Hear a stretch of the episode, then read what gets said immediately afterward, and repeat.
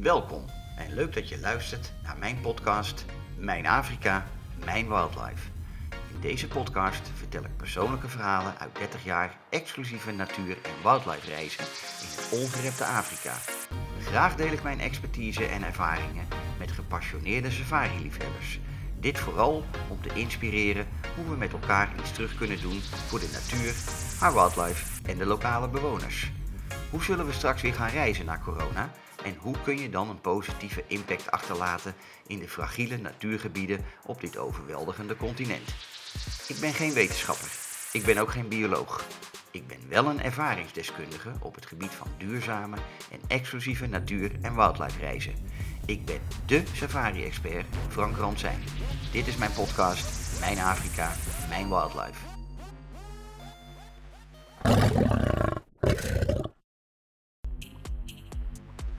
Ja, hoi allemaal en leuk dat je weer luistert naar mijn podcast Mijn Afrika, Mijn Wildlife. In deze aflevering ga ik het vooral hebben over te voet de wildernis in. Ik ga jullie een nieuwe activiteit vertellen die ik uh, heb georganiseerd en de komende maanden ga uitrollen. Deze heet de Inspirational Walk and Talk in the Park. Met mij persoonlijk. Ook leuk voor het hele gezin, met de kinderen erbij. Leerzaam en zeker de moeite waard. Dan de anderhalve kilometer maatschappij. De uitkomst voor reizen na corona. Wandelsafaris in de ongerepte natuur. En tot slot een bushverhaal. En dat gaat ook al over een wandelsafari in de bush in de Lower Zambezi.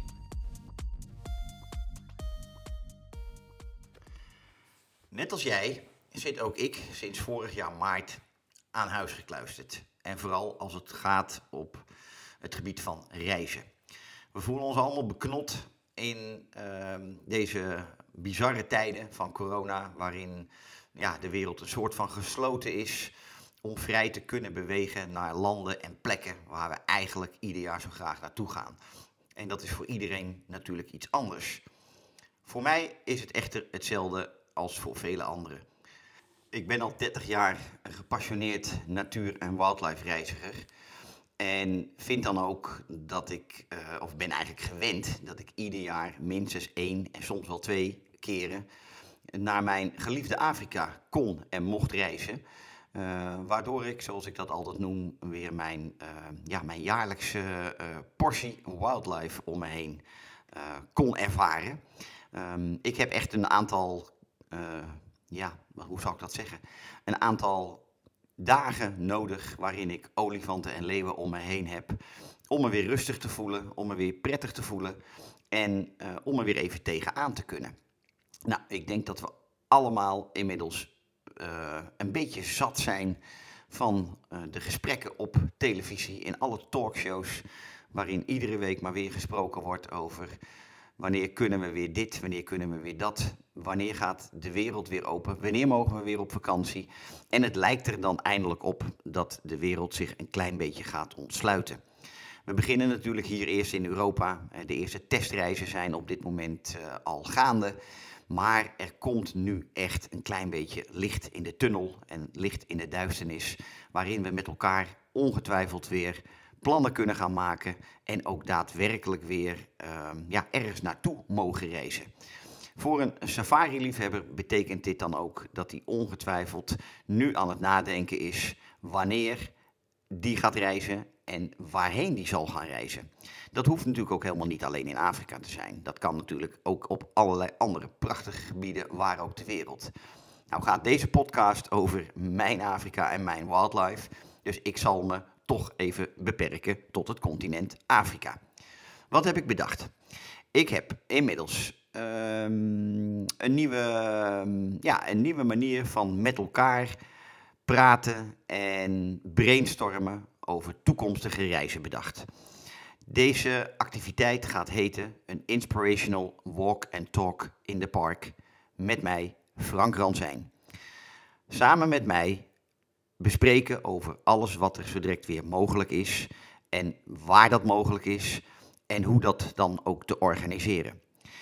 Ik vraag je, als je meer wilt weten over die Inspirational Walk and Talk in the Park, mij een e-mail te sturen naar info@safarisecrets.nl. Samen met jou plannen we een leuke plek in de Nederlandse natuur en gaan we heerlijk praten over wat ons beiden zo bezighoudt. Genieten van de natuur, iets terugdoen voor de natuur en waar mogelijk natuurlijk ook de lokale communities te ondersteunen. Het reizen met een positieve impact, zoals we dat dan nu zijn gaan noemen. Ik denk dat tijdens een uurtje wandelen of anderhalf uur wandelen op een leuke plek in de natuur je mensen kunt inspireren over hun nieuwe reisplannen.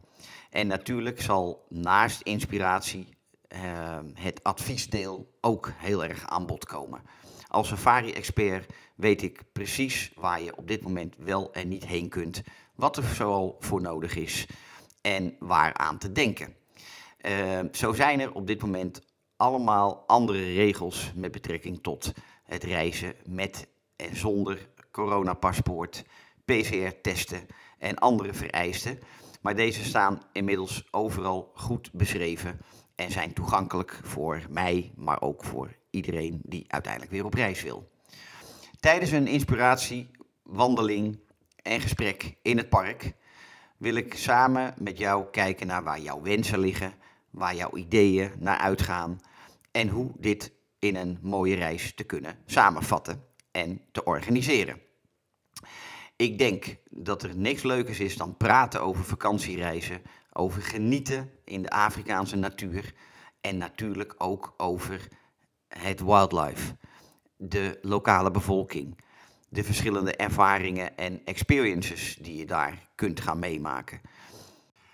Dus lijkt het jou leuk, samen met je partner of zelfs samen met je kinderen, om een inspirational walk and talk te gaan doen bij mij, dan hoor ik je heel graag en dan spreken we elkaar vast eh, snel. Ik denk dat het ook met kinderen ontzettend leuk kan zijn, omdat we het ja, een klein beetje uh, educatief kunnen maken, ook voor de kinderen. Maar natuurlijk bespreek ik graag de wensen van het hele gezin. Tot zover dit onderwerp. Dan gaan we het nu hebben over iets heel anders. En dat is de anderhalve kilometer maatschappij. Uh, nu na corona. Zoals we weten, uh, een beetje voortbordurend op het vorige onderwerp, uh, zijn mensen op dit moment natuurlijk nog gevoelig voor allerlei zaken met betrekking tot besmettingsgevaar. En over hoe veilig te kunnen reizen zonder besmet te raken. Nou, ik denk dat ten eerste uh, we pas echt weer op reis zullen gaan als we gevaccineerd zullen zijn.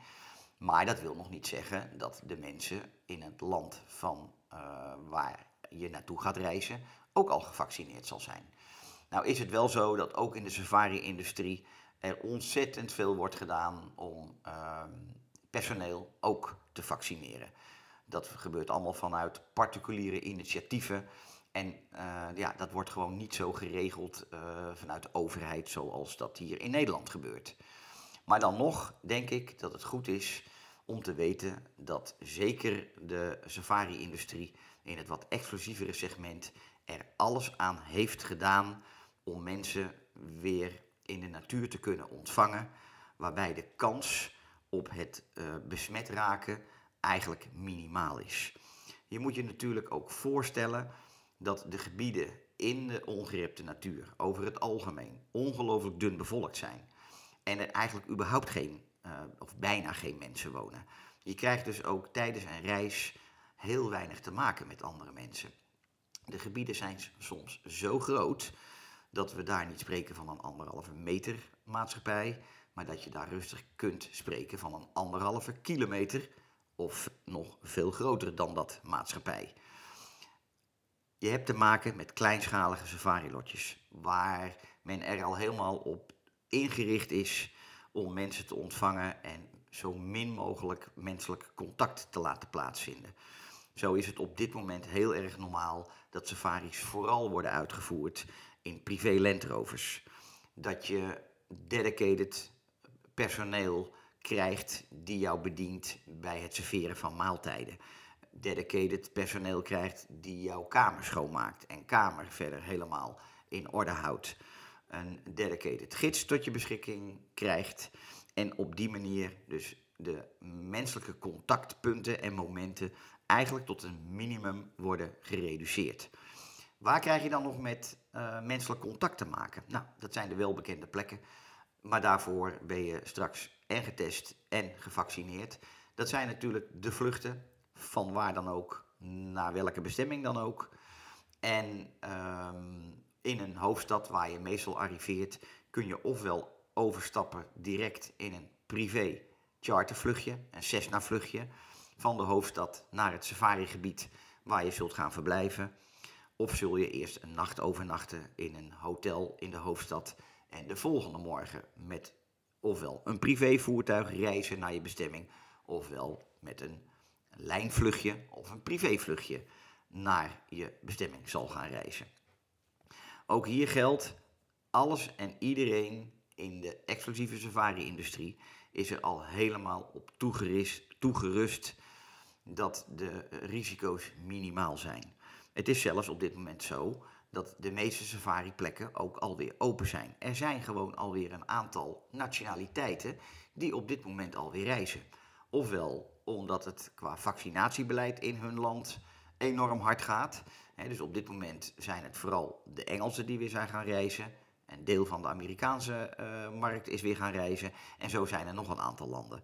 De meeste safari-lotjes zijn dan ook afgelopen week of komende week gaan zij gewoon weer open voor internationale gasten. Na maandenlang van proberen alles in beweging te houden en in leven te houden, hè, wat business betreft, um, heeft men heel erg geteerd op lokaal toerisme. Maar nu, vanaf nu, eindelijk kunnen we zeggen. Ik zie iedere dag op Facebook, op Instagram, waar dan ook, weer berichtgeving dat safari-lotjes hun eerste internationale gasten allemaal alweer hebben ontvangen. En dat men weer heel langzaam denkt aan een soort van business as usual. Samenvattend denk ik dat we kunnen zeggen: ja, er is licht, licht in de duisternis. Het zal voor ons Nederlanders ongetwijfeld nog een aantal maanden duren. Maar wil je over een half jaar op reis, dan zul je nu toch ongeveer moeten gaan nadenken over het plannen van die reis. En wanneer je die reis dan zou willen gaan maken.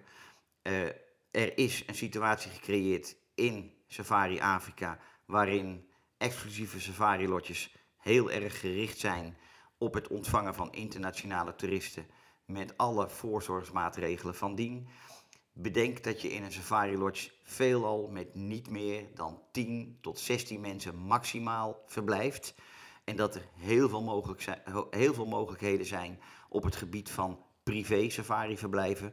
Waarbij jij een eigen villa in de bush huurt. Of waarbij jij met je familie een eigen kleinschalige lodge geheel privé afhuurt. Ehm, dat er in de nationale parken of in de privé game reserves en privé concessies geen mensen wonen. Dus dat je relatief met zeer weinig mensen te maken krijgt. Anders dan de mensen die je ontmoet in je safari-verblijf en je personeel en je gids. En dat de natuur nog nooit zo stil en exclusief is geweest als dat die op dit moment en de komende tijd zal zijn. Het is wel belangrijk om te weten dat er natuurlijk vanuit de hele coronaperiode, waarin allerlei reizen zijn geannuleerd en zijn doorgeschoven, dat er hoogstwaarschijnlijk volgend jaar best wel een uh, beschikbaarheidsprobleem zou kunnen ontstaan. Veel reizen zijn dus doorgeschoven. Veel mensen zijn nu al plannen aan het maken voor volgend jaar. En de verwachting is dat dat best nog wel eens, uh, ja, het is allemaal natuurlijk op elkaar en in elkaar geschoven. Waardoor uh, er een ja, mogelijkerwijs beperkte beschikbaarheid zal zijn in uh, alle mogelijke plekken in Safari Afrika. Ik denk dat heel veel mensen bij een safari vooral denken aan safaris per voertuig. Gesloten voertuigen of open voertuigen. Maar ik denk dat dat de aanname is van 80, 90 procent van de safari-reiziger. Voor diegenen die al één keer of meerdere keren of soms zelfs heel veel keren op safari zijn geweest, die mensen die weten natuurlijk dat er veel meer is dan dat. En ja, er zijn uh, voordelen aan de bush intrekken met een voertuig. Dat is per land verschillend. Hè? Ehm, sommige landen werken met semi-open voertuigen, met van die pop-up roofdaken, waarin je dan in het eh, voertuig kunt staan en je dus met je bovenlijf en je hoofd buiten staat. Maar verder is het een gesloten voertuig. Veel safari-landen werken met compleet open safari-voertuigen, waarin je echt helemaal in die open zit tijdens jouw safari-tochten in de bush. Maar ik denk dat als we uh, de safari-liefhebber vragen, die al wat vaker in Afrika geweest, wat is nu de ultieme safari-ervaring, dan denk ik dat veel van deze safari-liefhebbers zullen zeggen dat is een wandelsafari. En waarom is een wandelsafari dan toch zo bijzonder? Ik ga dat proberen uit te leggen. Ik denk dat je het zo moet zien. Op het moment dat jij in een bepaald bushgebied in een safari-voertuig plaatsneemt, dan zal het wild in dat safarigebied dat voertuig als een veilig object ervaren. En waarom doet hij dat? Dat komt omdat die dieren van uh, geboorte af aan gewend zijn geraakt aan het zien van voertuigen. Uh, dieren die net geboren zijn en nog nooit een voertuig hebben gezien, die zullen in eerste instantie dat natuurlijk niet zo ervaren. Maar uh, degenen die zorg hebben over de kleine, over de jaarlingen, die zorgen ervoor ja, dat dat eigenlijk allemaal gewoon zo'n normale loop heeft en dat het allemaal goed gaat. Dus ook grote wilde dieren zoals olifanten, leeuwen, luipaarden, eh, nou, eh, noem het allemaal maar op. Die zijn over het algemeen gewend aan voertuigen. Zij zien het als een silhouet, zolang degene die daarin zitten, de vreemde wezens die daarin zitten, in dat voertuig zitten, wordt dat als een veilig object ervaren. Op het moment dat iemand uit het voertuig stapt, dan zul je zien dat de reactie van de meeste dieren een hele andere reactie is. Waar je met een voertuig soms tot op 2, 3 meter van een groep olifanten of een groep leeuwen of van welk dier dan ook kunt gaan staan en rustig kan observeren, omdat die dieren daar totaal geen last van hebben en je gewoon dogen in de natuur. Daar is dat compleet anders als jij uit het voertuig stapt en opeens een wezen op twee benen bent geworden. Een wezen op twee benen wordt instinctief door dieren bijna altijd geassocieerd met problemen en ellende. En dat zit hem natuurlijk in het feit dat het, de stroperij bijna altijd te voet gebeurt. Uh, er zijn uh, daarnaast heel veel plekken in Afrika waar nog gejaagd wordt. En dat gebeurt ook 9 van de 10 keer te voet. En dus dieren zijn um, wars van mensen op twee benen. Zolang daar een aantal honderd meter tussen zit, dan gaat dat allemaal nog wel. En ook dat is weer per gebied uh, natuurlijk uh, verschillend. Want sommige gebieden uh, zijn wat drukker bezocht qua toeristen, waardoor dieren er ook wat meer aan gewend zijn. Maar in alle ongerepte safarigebieden zul je zien dat op het moment dat jij te voet in de bush bent, de dieren daar heel anders op reageren. Maar wat is er nou zo bijzonder aan een wandelsafari? Ik denk het volgende. In dat voertuig voel je op een of andere manier veilig. Of dat een gesloten voertuig is of een open voertuig. Je voelt je op een of andere manier veilig. En dat is ook zo. Maar op het moment dat je aan de wandel gaat in de bush, en dat ga je altijd onder begeleiding van een gewapende gids als het een gebied betreft waar ook echt gewoon uh, gevaarlijke dieren rondlopen, dan gaat er altijd een gewapende gids of een gewapende scout mee op een wandelsafari. Een authentieke wandelsafari wordt dan ook nooit met meer dan negen mensen uitgevoerd. Zes gasten maximaal, gids, scout en nog heel ouderwets de theedrager. Wat is de theedrager? dat is niet meer dan vaak een gids in opleiding of een personeelslid van een safarikamp, wat koffie en thee met zich mee uh, draagt tijdens de wandelsafari. Omdat je ergens in die wandelsafari, na een uur of wat lopen, ergens natuurlijk stopt. En zeker als het een ochtendwandelsafari is, je heerlijk een bakje koffie en een bakje thee te drinken krijgt. Uh, het is nog een hele uh, koloniale uh, uitvloeisel die nog steeds in de echte safari-landen op die manier wordt gehandhaafd. De twee pure wandelsafari-landen zijn Zimbabwe en Zambia. Daar is dit uitgevonden. Daar komt dit hele stramien vandaan. En waarom nou dus met zes gasten plus die drie? Dat komt omdat op het moment dat er meer mensen uh, meelopen, het gewoon voor een gids niet meer doenlijk is om de situatie te controleren bij een eventueel gevaar. De focus bij een wandelsafari is ook een hele andere dan tijdens een voertuigsafari. Waar je, waar je bij een voertuigsafari natuurlijk veel afstand kunt overbruggen. En doordat er in veel gebieden uh, telefonisch contact is tussen safari-gidsen en men elkaar vertelt waar wat te zien is, kun je van sighting naar sighting rijden, zoals ze dat noemen. Dat betekent dat je snel een kilometer of twee, drie kunt overbruggen als er ergens verderop een andere mooie, bijzondere wildlife sighting te zien is. Tijdens een wandelsafari kan een gids zich veel meer onderscheiden in het al zijn gasten vertellen over de details van de bush. Daarin wordt niet zoveel afstand overbrugd, want ja, je bent aan de wandel. En er wordt op een wandelsafari ook over het algemeen, nou, een beetje gemiddeld genomen, misschien 3, 4, 5 kilometer gelopen. Het kan zo zijn dat je soms nog niet een kilometer hebt gelopen, omdat er na iedere zoveel meter wel iets te zien is waar die gids jou een mooi verhaal over kan vertellen. Hij vertelt veel meer over de sporen die er te zien zijn, die er vanuit een voertuig rijdend niet te zien zijn. Hij vertelt veel meer over kleinere dieren, van, van de meest kleine insecten tot aan ehm, vogels, waar hij wat meer bij stil kan staan. En het wat rustiger uh, samen met zijn gasten kan determineren hoe klein het vogeltje ook is, kijkend door een verrekijker. Wat voor vogel is het? Daar heeft hij dan ook weer een mooi verhaal over.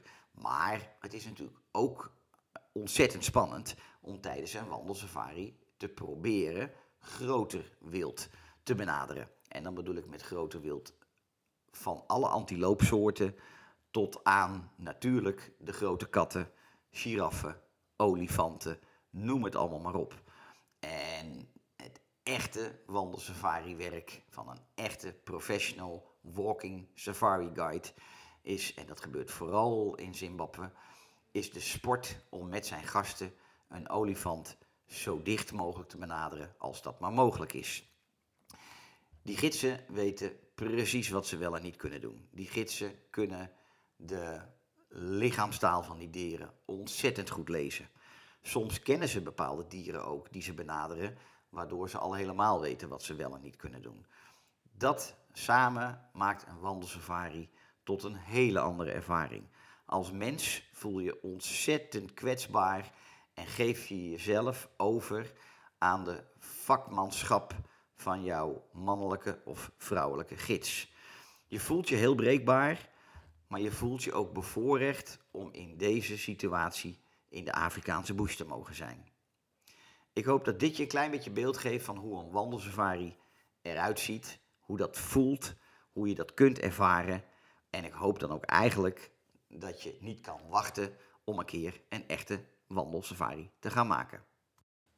Ik ga jullie weer meenemen op een mooi bushverhaal die ik ooit heb mogen beleven. Het speelt zich af in Zambia in het Lower Zambezi National Park. Aan de overkant bevindt zich Zimbabwe en daar heet het, uh, het wildgebied Manapools. Deze twee parken worden doorkruist door de Zambezi-rivier, de beroemde Zambezi-rivier. Ongelooflijk wildrijk en een spectaculair natuurgebied om uh, op safari te gaan. En alle mogelijke safari-vormen te kunnen ondernemen. Dat is het mooie aan deze twee parken. Lower Zambezi in Zambia, Manapools in Zimbabwe. En waarom is dat? Dat komt omdat je door die rivier meer opties hebt tot safari-vormen. hier ga je op safari per Land Rover, te voet, of kun je in een kano stappen en op kano-safari, of in een boot stappen op een bootsafari. Daarnaast wordt er natuurlijk op de Zambezi rivier een heleboel gevist. Uh, en dan vooral uh, tiger fishing op de Zambezi rivier. Heel populair bij heel veel mensen. En dat betekent dat je in deze twee parken soms wel vijf verschillende safari-vormen kunt doen. Zo was ik een aantal jaar geleden in het Lower Zambezi National Park aan de Zambiaanse kant dus. En uh, verbleven wij in een zeer exclusief safari-kamp, Chawa Safaris. Chawa Safaris is een private-owned safari-organisatie van de familie Cummings. En de eigenaar Grant Cumming was tijdens ons verblijf ook aanwezig. Wij hadden tijdens, ons, uh, tijdens de dagen dat we daar waren, hadden we een, uh, een, vaste gids tot onze beschikking. Maar deze ochtend, ik ken Grant natuurlijk vanuit mijn werk als uh, private travel designer. Ik ken hem al 25 jaar. en zo wilde hij deze ochtend met ons op wandelsafari. We waren met twee andere gasten. En zoals zojuist ook verteld, samen met de Game Scout en de theedrager gingen wij s'morgens om 6 uur, half 7, gingen we erop uit. Nu is het in Zambia zo geregeld dat de gidsen niet een geweer mogen dragen. Uh, het zijn daar de Game Scouts die het geweer dragen. Dus de gids, gids zijn gasten, maar voor de veiligheid hebben we de Game Scout met zijn geweer. Wij gaan heerlijk aan de wandel. Het is op dat moment uh, september, dus het is warm. Dus morgens vroeg ook gewoon lekker in, uh, nou niet al te dikke kleren, want s morgens om 6 uur is het dan nog wel wat kouder. Maar volgens mij gewoon een, uh, een dun truitje uh, lopen we de bush in. Chawa ligt midden in een van de meest wildrijke wildgebieden van Lower Zambezi. En nou ja, we maken een mooie wandeling door de bush. En het kan zo zijn dat je soms de eerste kwartier, half uur niet heel veel tegenkomt. Maar dat je wel geniet van de geluiden, van de geuren. Uh, van je gids die iets vertelt over bepaalde grassen of bomen of planten. Uh, of wat dan ook. Uh, er is een constante interactie tussen gast en gids, waardoor er gesprekken zullen plaatsvinden over van alles en nog wat. Opeens krijgen wij het zijn om stil te blijven staan en vooral ook stil te wezen. Wat is er aan de hand? De scout heeft op een paar honderd meter een olifant gesignaleerd. En te voet in de buurt van olifanten zijn betekent echt waakzaamheid geboden. En absoluut goed luisteren naar wat een gids jou uh, verzoekt te gaan doen en niet te doen. Wij kijken vanuit een. Uh, ja, we staan volgens mij onder een boom en kijken gewoon rustig naar wat die olifant uh, aan het doen is. Grant, onze gids, is constant in gesprek met de Game Scout over ja, uh, welke looprichting we gaan nemen, hoe we met een boog rond de olifant uh, zullen gaan en verder gaan. Aldoende geschiet, uh, rustig, zachtjes lopend, ehm, blijven wij gewoon de olifant in de gaten houden en maken we een soort omtrekkende beweging, zodat we de olifant gewoon alle tijd en ruimte geven om zijn haar pad te blijven volgen op een gegeven moment lopen wij gewoon weer een beetje te kletsen. Eh, want dat gebeurt natuurlijk ook. Je bent ook onderling aan het kletsen. En dan wordt er door de gasten iets minder goed opgelet. Uh, en soms ook door de gids, omdat hij met jou in gesprek is. Op een gegeven moment worden wij echt opgeschrikt door iets ja, waar we geen van allen op gerekend hadden. En dat was dat we bij verrassing stuiten op een paar en parende leeuwen. Twee leeuwen, mannetje, vrouwtje, sprongen zo'n beetje, voor ons gevoel, drie meter hoog op uit het hoge gras. Maar tegelijkertijd, de mensen met wie je bent, iedereen ziet dat gebeuren, schrikt van geluid, van hetgeen wat hij voor zich ziet. Iedereen vliegt bijna aan de andere kant op. Uh, want ja, je schrikt gewoon van die opspringende leeuwen die allebei een andere kant op vliegen. In de consternatie, geen idee waar ze naartoe gaan. Uh, de gids staat met een klein uh, stokje in zijn hand, want die heeft geen geweer. En die probeert de mensen bij elkaar te houden, want uh, hij is verantwoordelijk voor zijn gasten. Maar het allermooiste van alles, de Game Scout is blijkbaar nog banger voor de twee leeuwen dan wij allemaal tegelijk. Die heeft zijn geweer al op de grond gegooid en is er als eerste als een razende vandoor gevlogen. Dat is op zich natuurlijk een vrij bizarre situatie. Achteraf bekeken is het natuurlijk ook gewoon een hilarische situatie. We spreken er nu nog steeds over. En als ik Grant nu weer spreek, dan hebben we het daar eigenlijk ook altijd weer over. Uh, hij was natuurlijk op dat moment uh, not amused bij wat zijn Game Scout uh, ja, hoe die handelde. Maar oké, neem niet weg. We gingen weer door, maar wisten niet waar die leeuwen gebleven waren. Dus het was echt, iedereen was helemaal op zijn hoede. Je snapt in, inmiddels dat het hart in onze keel bonsde en waarschijnlijk bij allemaal. Uh, je staat stijf van de adrenaline, maar we gingen weer verder. Nou, ik denk dat we nog geen 100 meter ver waren. En toen stuiten we op een grote kudde buffels. Nou, je zolt al helemaal niet met buffels en zeker niet te voet. Dus uh, uiteindelijk hadden we blijkbaar een punt bereikt dat Grant dacht tot hier en niet verder. Want we zaten eigenlijk gewoon opgesloten in een soort van driehoek. We wisten aan de ene kant een olifant die we net uh, achtergelaten hadden. We wisten twee leeuwen waarvan we eigenlijk niet meer wisten waar ze nu gebleven waren. We hadden een kudde buffels en aan de laatste kant van het vierkant hadden we de rivier. Dus we konden eigenlijk geen kant meer op. Dat was het moment dat Grant Cummings via zijn, uh, via zijn radio uh, het kamp radiode, een boot liet komen die er ook binnen 5 à 10 minuten was. En wij zijn de wilde driehoek ontsnapt door daar aan de Zambezi in een boot te stappen en onze wandelsafari te onderbreken.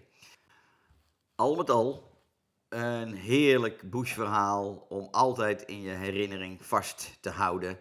Um, ik denk er nog vaak aan terug en zeker als je mensen over Afrika vertelt, dan, zal dit, uh, of dan is dit altijd weer een van de ja, bijzondere momenten die ik heb mogen meemaken in de Afrikaanse natuur.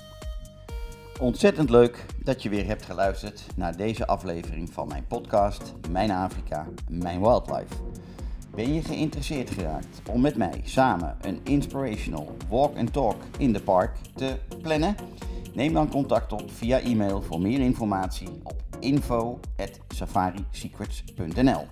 Wil je op de hoogte blijven van nieuwe afleveringen van mijn podcastserie? Ga dan naar je favoriete podcast app en druk op volgen, subscribe of abonneer. Je wordt dan automatisch op de hoogte gebracht van een volgende aflevering. Wist je dat het ook heel gemakkelijk is om een review achter te laten onder een podcastaflevering? Ook deze kun je plaatsen onder jouw favoriete podcast-app waarin je mijn afleveringen beluistert.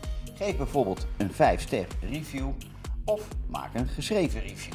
Ik zou het ontzettend leuk vinden als je misschien iets kunt achterlaten waarin jij geïnteresseerd bent met betrekking tot safari-reisplanning naar ongerepte gebieden in Afrika. Stel je vraag of laat weten wat je zou willen horen en de volgende keer zal ik proberen hierop terug te komen. Heel erg bedankt voor het luisteren naar deze aflevering en graag weer tot een volgende keer.